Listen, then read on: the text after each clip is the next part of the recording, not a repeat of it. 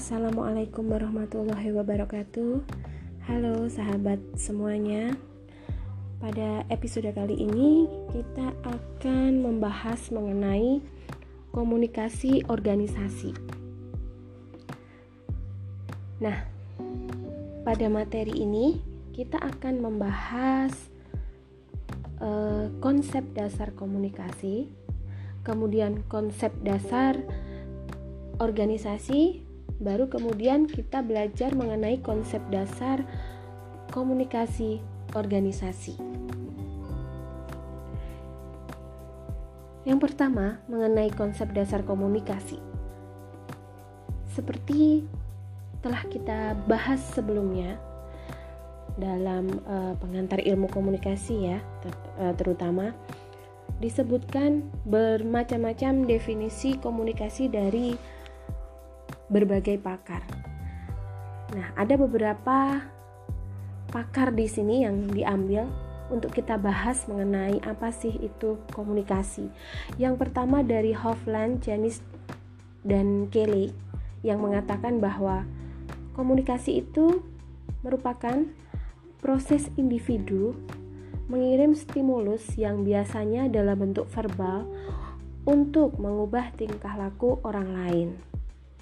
Kemudian menurut brand de Ruben, komunikasi adalah suatu proses melalui mana individu dalam hubungannya, dalam kelompok, dalam organisasi, dan dalam masyarakat menciptakan dan menggunakan informasi untuk mengkoordinasi lingkungan dan orang lain. Kemudian William J. Seller juga memberikan pengertian komunikasi di mana proses dengan mana simbol verbal dan nonverbal dikirimkan, diterima, dan diberi arti. Sebenarnya pada intinya komunikasi itu merupakan pertukaran pesan verbal maupun nonverbal antara si pengirim dan si penerima dengan tujuan untuk mengubah tingkah laku. Ini yang merupakan uh, apa ya pengertian komunikasi secara umum agar kita eh, lebih mudah dalam memahami sebenarnya apa sih itu komunikasi seperti itu. Nah, kemudian uh, untuk model komunikasi sebenarnya terdapat beberapa model. Akan tetapi uh, model yang memang sangat familiar itu yang dipaparkan oleh Harold Laswell. Di mana Harold Laswell mengatakan bahwa model komunikasi itu terdiri dari beberapa uh, bagian di antaranya komunikator, pesan, media, kemudian komunikan dan efek. efek. Dalam uh, bukunya dia mengatakan bahwa model komunikasi itu who says what in with channel to whom and with what effect. Kalau dalam bahasa umumnya sih biasanya SMCRE ya.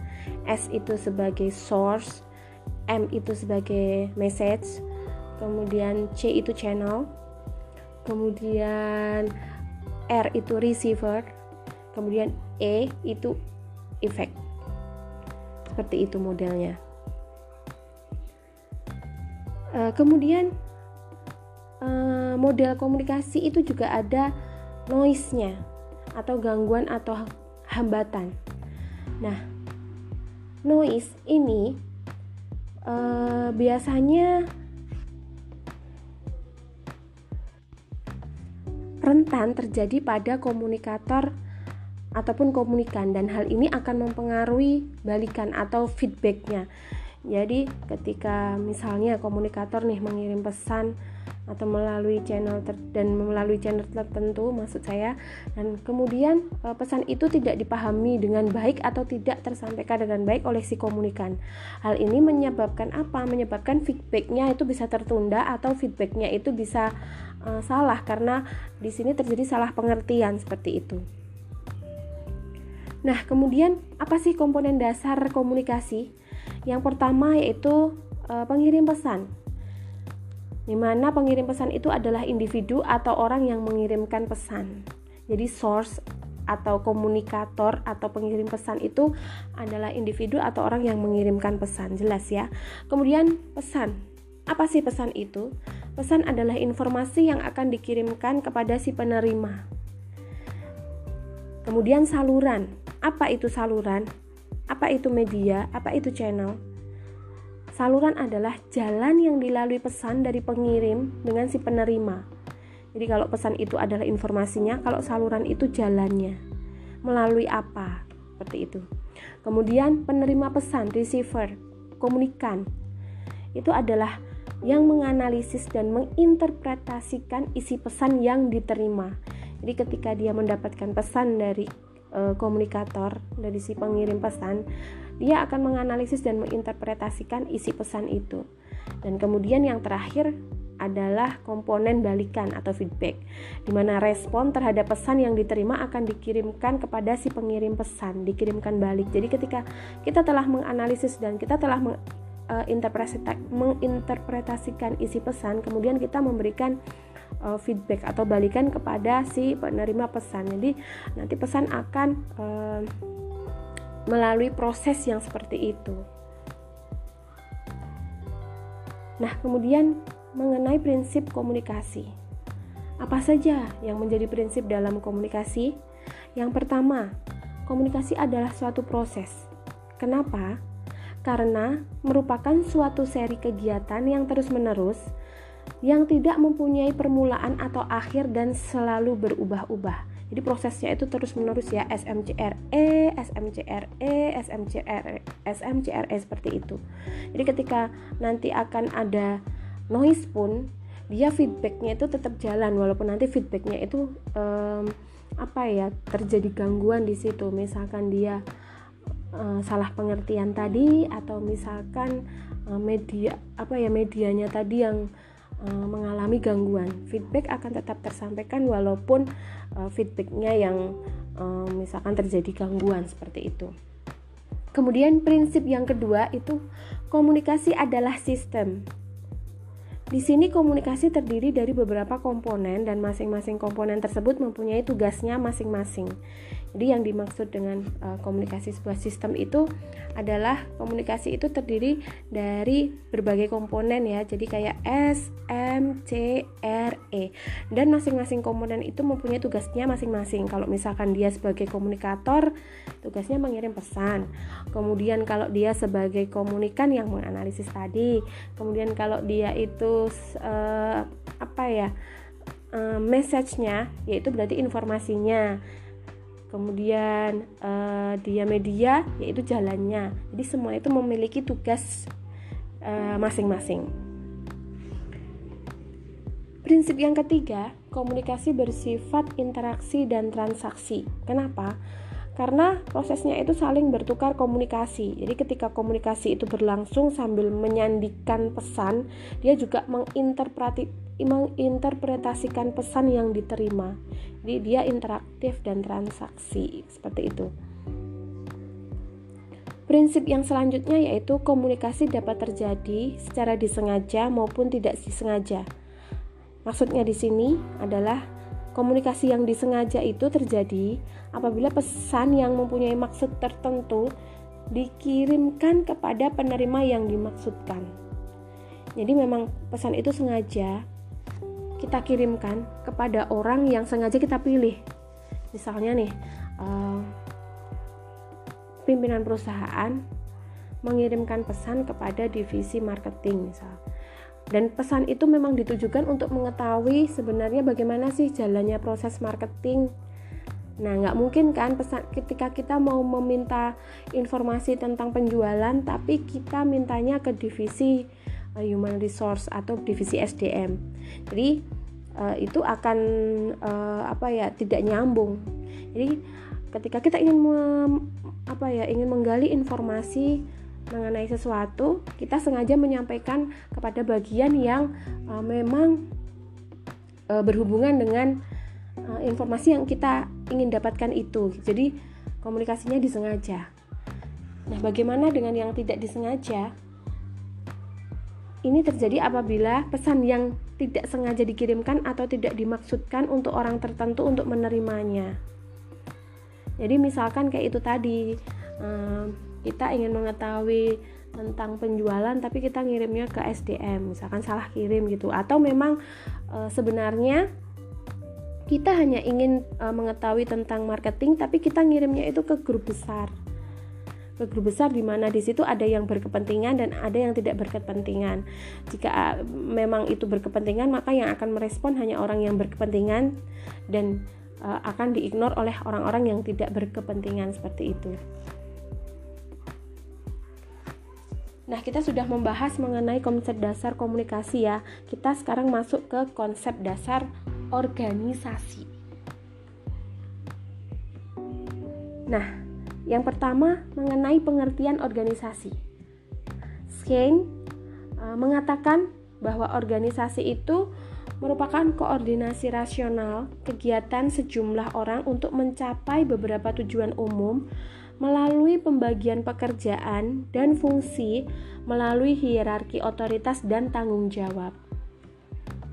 Kemudian Kotler mengatakan bahwa sis, uh, organisasi merupakan sistem hubungan yang terstruktur yang mengkoordinasi usaha suatu kelompok orang untuk mencapai tujuan tertentu. Kemudian Wright mengatakan bahwa organisasi itu suatu bentuk sistem terbuka dari aktivitas yang dikoordinasi oleh dua orang atau lebih untuk mencapai suatu tujuan bersama. Jadi uh, pada intinya uh, apa ya pengertian organisasi itu merupakan uh, koordinasi rasional dari kegiatan-kegiatan sejumlah orang yang ada di dalam organisasi ter tersebut dengan tujuan untuk uh, apa ya mencapai uh, mencapai ya tujuan dari organisasi tersebut apa dan caranya bagaimana dengan pembagian pekerjaan dan fungsi dengan hierarki yang uh, sudah dibagi-bagi itu tadi kayak gitu. Kemudian elemen organisasi. Apa aja sih elemen dalam organisasi? Yang pertama adalah struktur sosial. Adalah pola atau aspek aturan hubungan yang ada antara partisipasi di dalam suatu organisasi. Jadi struktur sosial ini uh, merupakan pola atau aspek aturan hubungan yang ada ada antara partisipasi di dalam suatu organisasi.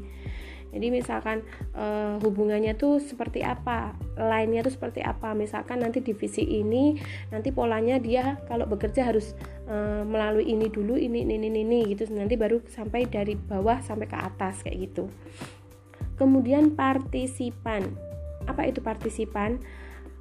Ialah individu-individu yang memberikan kontribusi kepada organisasi jadi eh, apa saja siapa saja yang ada di dalam organisasi ketika dia memang bekerja, kemudian dia memberikan kontribusi dalam organisasi, itu adalah partisipan. Entah itu dari bos atau sampai OB, dia tetap akan memberikan kontribusi kan dalam organisasi. Nah, itu yang dinamakan partisipan. Kemudian elemen yang ketiga yaitu tujuan. Nah, ini merupakan elemen yang paling penting atau titik sentral dalam organisasi. Jadi dalam organisasi itu ada, harus ada tujuannya. Nah, kalau kita bikin organisasi nggak punya tujuan lah ngapain? Jadi kan uh, cuman ngalor ngidur nggak jelas ya. Tapi ketika uh, organisasi itu memiliki tujuan, satu tujuan. Jadi semua partisipan itu memiliki tujuan yang sama. Nah, maka semuanya akan bekerja sesuai dengan porsinya masing-masing, akan tetapi hasilnya sama untuk mencapai tujuan dari organisasi tersebut. Seperti itu. Kemudian teknologi. Elemen teknologi di sini eh, yang dimaksud adalah penggunaan mesin-mesin atau perlengkapan mesin dan juga pengetahuan teknik dan keterampilan partisipan. Jadi teknologi di sini adalah eh, penggunaan mesin atau alat-alat lah, alat-alat yang digunakan dalam organisasi yang menggunakan teknologi. Nah, itu di, eh, apa ya digunakan oleh semua partisipan. Untuk apa ya? Untuk mencapai tujuan organisasi tersebut. Jadi teknologi ini adalah alat yang digunakan untuk bekerja. Seperti itu. Kemudian lingkungan elemen lingkungan ini e, berada pada keadaan fisik tertentu kemudian teknologi kebudayaan dan lingkungan sosial. Jadi organisasi itu juga harus menyesuaikan diri bagaimana lingkungannya. Misalkan pada keadaan fisik tertentu e, misalkan e, apa ya organisasinya itu eh, bagaimana dan kondisi lingkungan sekitarnya itu bagaimana itu harus disesuaikan agar apa agar tidak mengganggu jalannya proses uh, organisasi tersebut dalam mencapai tujuan seperti itu. Nah, untuk elemen organisasi ini saya baca dalam bukunya Arni Muhammad ya. Kalau menurut Scott, organisasi itu memiliki beberapa elemen di antaranya yang pertama struktur sosial. Nah, di dalamnya menyangkut pola hubungan partisipan organisasi, adat istiadat, norma tingkah laku dan sebagainya. Jadi eh, Nah, kemudian untuk partisipan itu sama seperti yang dijelaskan tadi ya, individu-individu yang memberikan kontribusi kepada organisasi. Kemudian tujuan, itu para ahli sepakat bahwa tujuan merupakan titik sentral petunjuk dalam menganalisis organisasi. Dan teknologi itu menyangkut perlengkapan, keterampilan, teknik, pengetahuan, skill, hasil produksi yang digunakan oleh partisipan organisasi. Kemudian lingkungan itu uh, organisasi hadir untuk bisa selaras dengan lingkungannya, misalkan organisasi partai politik hadir untuk memenuhi aspirasi masyarakat. Jadi pada intinya apa yang dipaparkan oleh Scott ini uh, hampir sama dengan yang kita sudah jelaskan sebelumnya tadi ya. Di uh, elemen organisasi itu ada beberapa di antaranya struktur sosial, partisipan, tujuan, teknologi dan lingkungan seperti itu. Kemudian, karakteristik organisasi. Yang pertama, dinamis. Bagaimana e, organisasi yang dinamis itu? Organisasi sebagai suatu sistem terbuka terus-menerus mengalami perubahan karena selalu menghadapi tantangan baru dari lingkungannya dan perlu menyesuaikan diri dengan lingkungan yang selalu berubah tersebut. Jadi dia uh, prosesnya dinamis, terbuka dan terus-menerus mengalami perubahan. Nah, Sifat dinamis ini, misalnya perubahan ekonomi dalam lingkungannya, perubahan pasaran, perubahan kondisi sosial, atau perubahan dalam teknologi. Jadi dia harus jalannya tuh dinamis, harus selalu mengalami eh, perubahan sesuai dengan uh, apa ya perkembangan yang terjadi pada saat itu, seperti itu. Kemudian karakteristik yang lain itu memerlukan informasi. Jadi dalam organisasi itu tentu memerlukan informasi untuk hidup Kenapa? Karena kalau di dalam organisasi nggak ada informasi ya kita hanya akan stuck di situ kita nggak bisa jalan. Informasi ini kan digunakan uh, sangat penting ya. Jadi uh, dalam dalam satu organisasi tiap lini pasti akan saling bertukar pesan.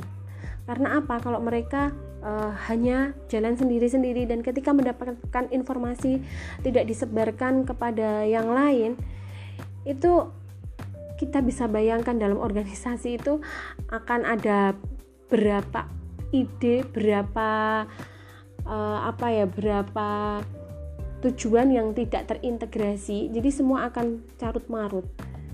Jadi mem, uh, informasi ini harus didapatkan dan harus disebarkan.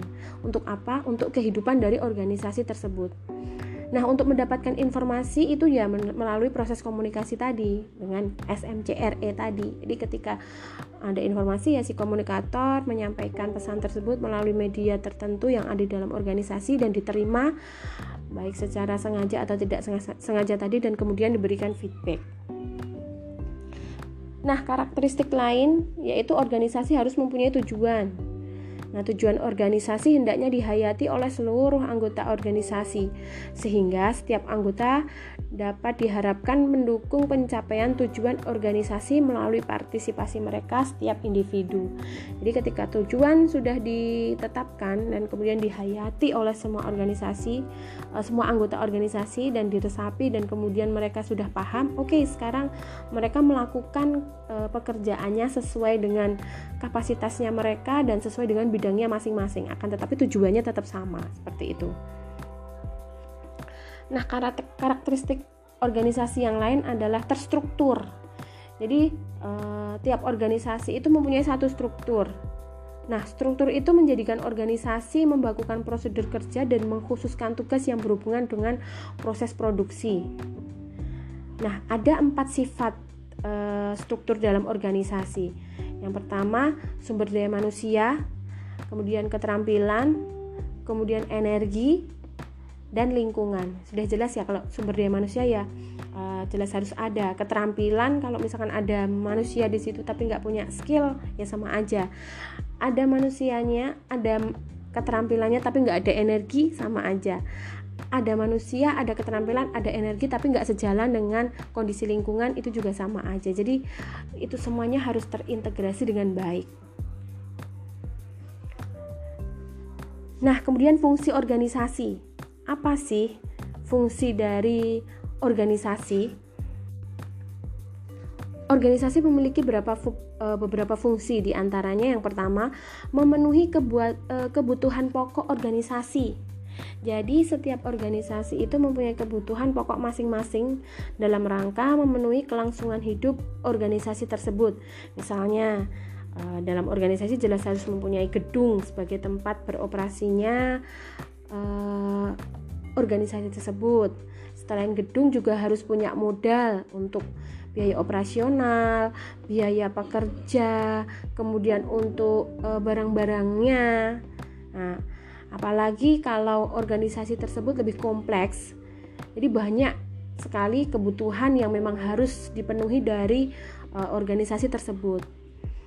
Nah, fungsi yang kedua itu mengemban tugas dan tanggung jawab. Setiap organisasi mempunyai macam-macam standar etis tertentu.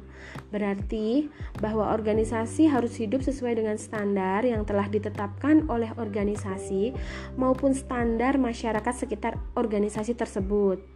Misalnya, pada masyarakat kecil yang mempunyai perusahaan besar, biasanya perusahaan itu bertanggung jawab terhadap kesejahteraan ekonomi masyarakat sekitarnya.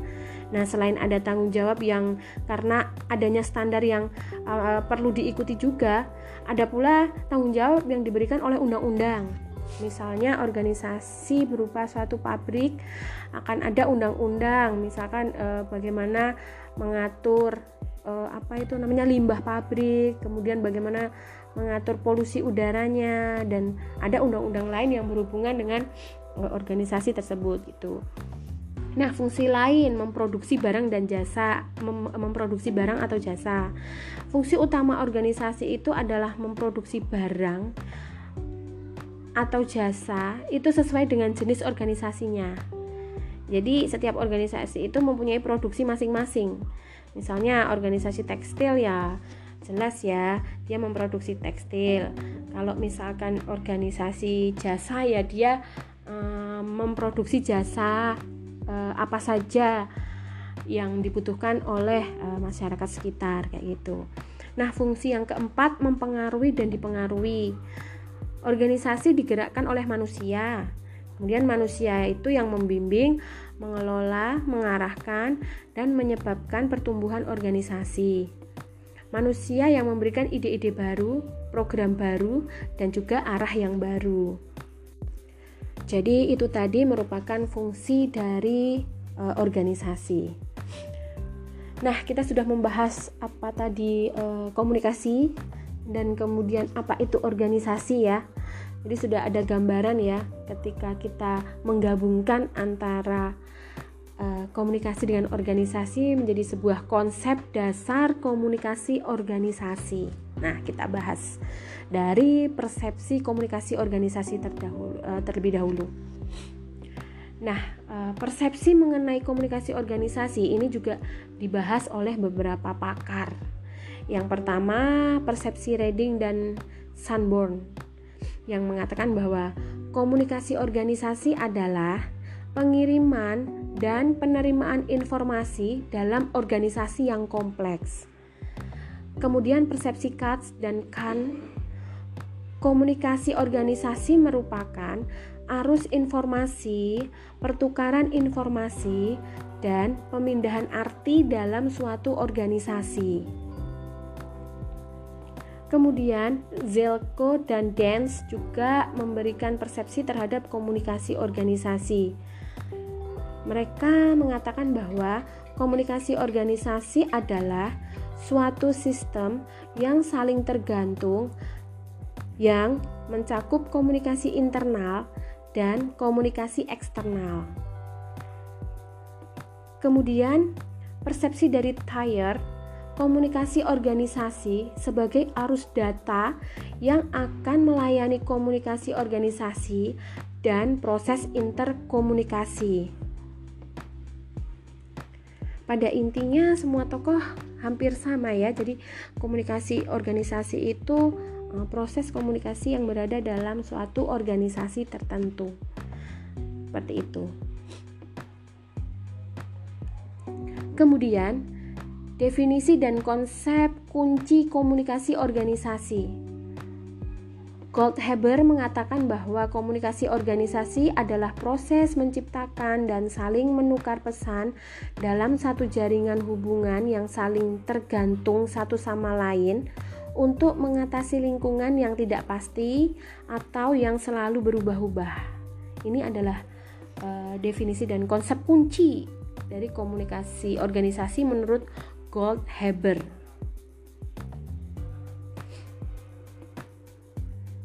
Nah, tujuh konsep komun, uh, kunci komunikasi tersebut diuraikan menjadi beberapa bagian.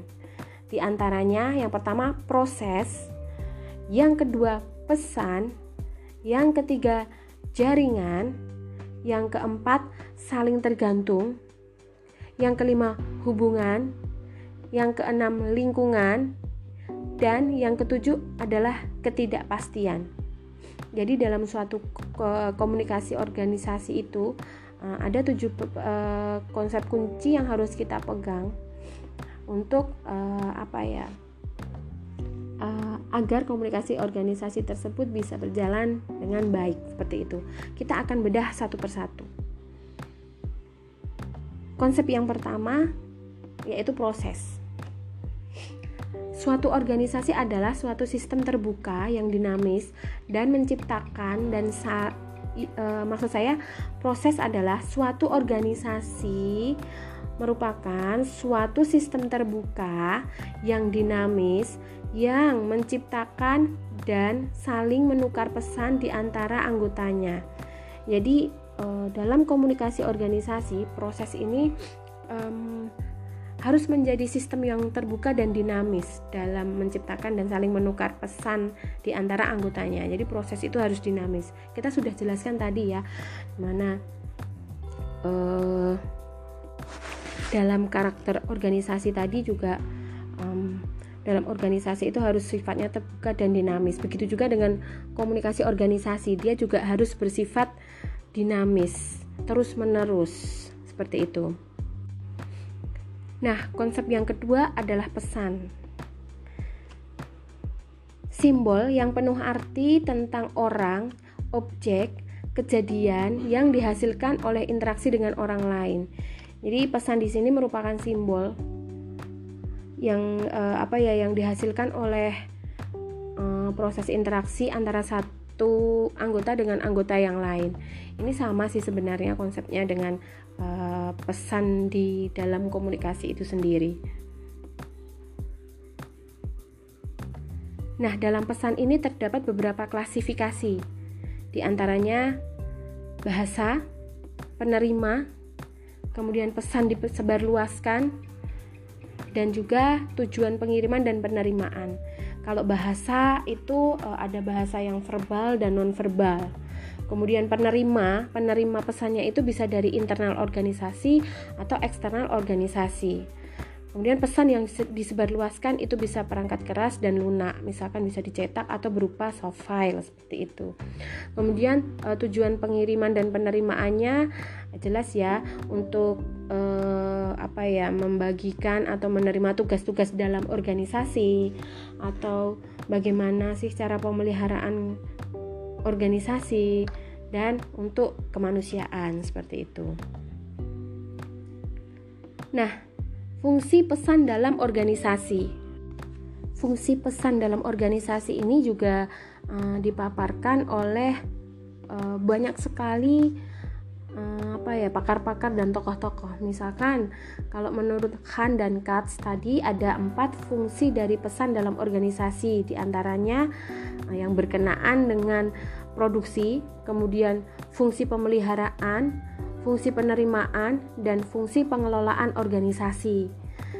Kalau menurut Reading, fungsi pesan dalam organisasi itu ada tiga alasan pengiriman pesan yaitu pelaksanaan tugas-tugas dalam organisasi untuk pemeliharaan dan untuk kemanusiaan.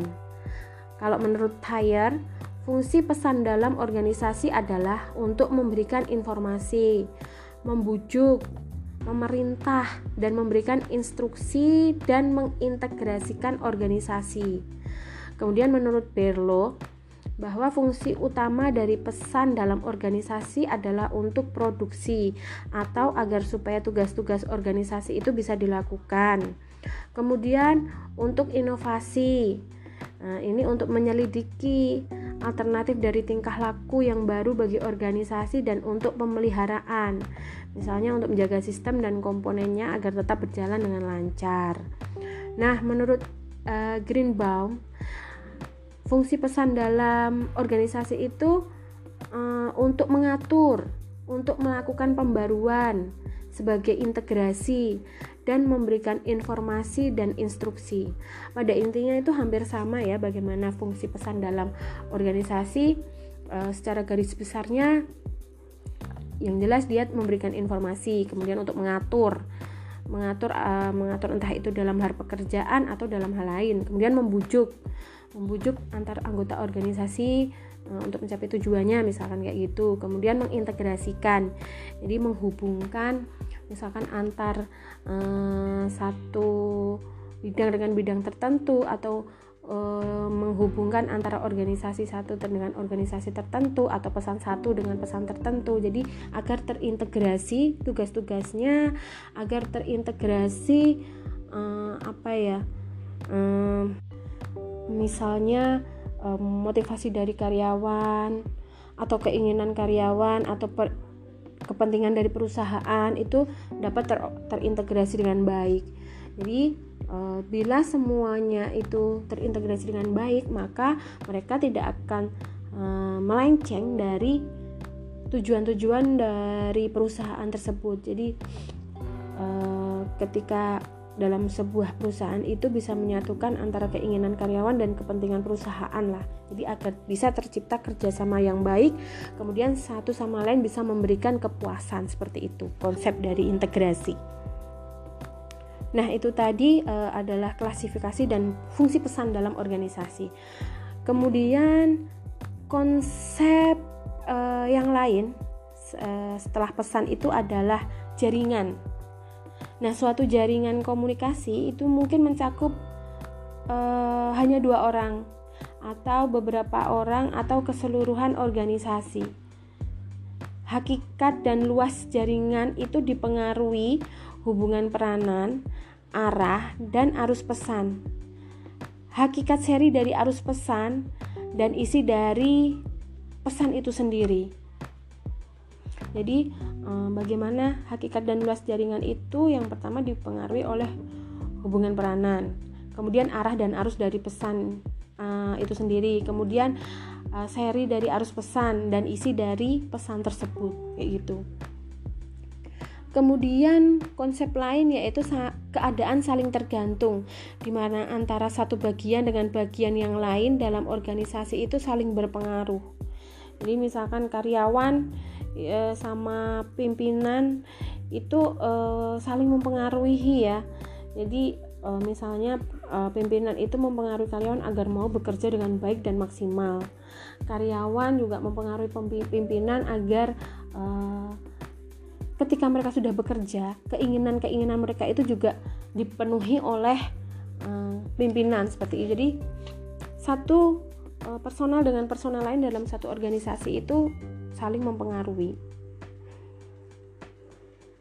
Nah, konsep hubungan hubungan manusia dalam organisasi yang memfokuskan kepada tingkah laku komunikasi dari orang yang terlibat dalam suatu hubungan. Nah, hubungan itu dimulai dari yang sederhana atau hubungan diadik sampai hubungan yang kompleks. Jadi, uh, hubungan itu dimulai dari yang sederhana misalkan antar karyawan atau sampai hubungan yang kompleks uh, dari organisasi satu ke organisasi yang lain seperti itu. Kemudian konsep lingkungan. Nah, Lingkungan adalah semua totalitas secara fisik dan faktor sosial yang diperhitungkan dalam pembuatan keputusan mengenai individu dalam suatu sistem. Nah, lingkungan ini dibedakan menjadi dua, lingkungan internal dan lingkungan eksternal. Kalau lingkungan internal itu ya yang berada dalam organisasi tersebut. Kalau lingkungan eksternal ya dia sudah eh, apa ya sudah berada dalam jalur di luar organisasi, misalkan Eh, kemudian dia merembet ke masyarakat sekitarnya seperti itu. Nah, konsep yang terakhir yaitu ketidakpastian. Ketidakpastian adalah perbedaan informasi yang tersedia dengan informasi yang diharapkan. Nah, untuk mengurangi ketidakpastian itu dengan menciptakan dan menukar pesan di antara anggotanya. Jadi, bagaimana pentingnya komunikasi dalam organisasi salah satunya adalah untuk mengurangi ketidakpastian. Jadi, uh, dalam satu organisasi itu antar anggota harus terus melakukan komunikasi, menyebarluaskan informasi dan saling memberikan feedback agar apa untuk mengurangi ketidakpastian seperti itu.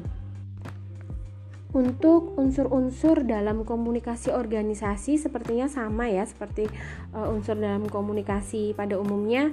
Yang pertama adalah sumber atau komunikator yang itu sumbernya itu bisa terdiri dari satu orang, kelompok, atau organisasi. Nah, kemudian pesan. Pesan merupakan isi yang disampaikan dari sumber kepada penerima. Umumnya ya dalam bentuk perintah, laporan, atau saran dan kritik seperti itu. Kemudian media. Media adalah alat yang digunakan untuk pengi, uh, digunakan pengirim untuk memindahkan pesan kepada penerima.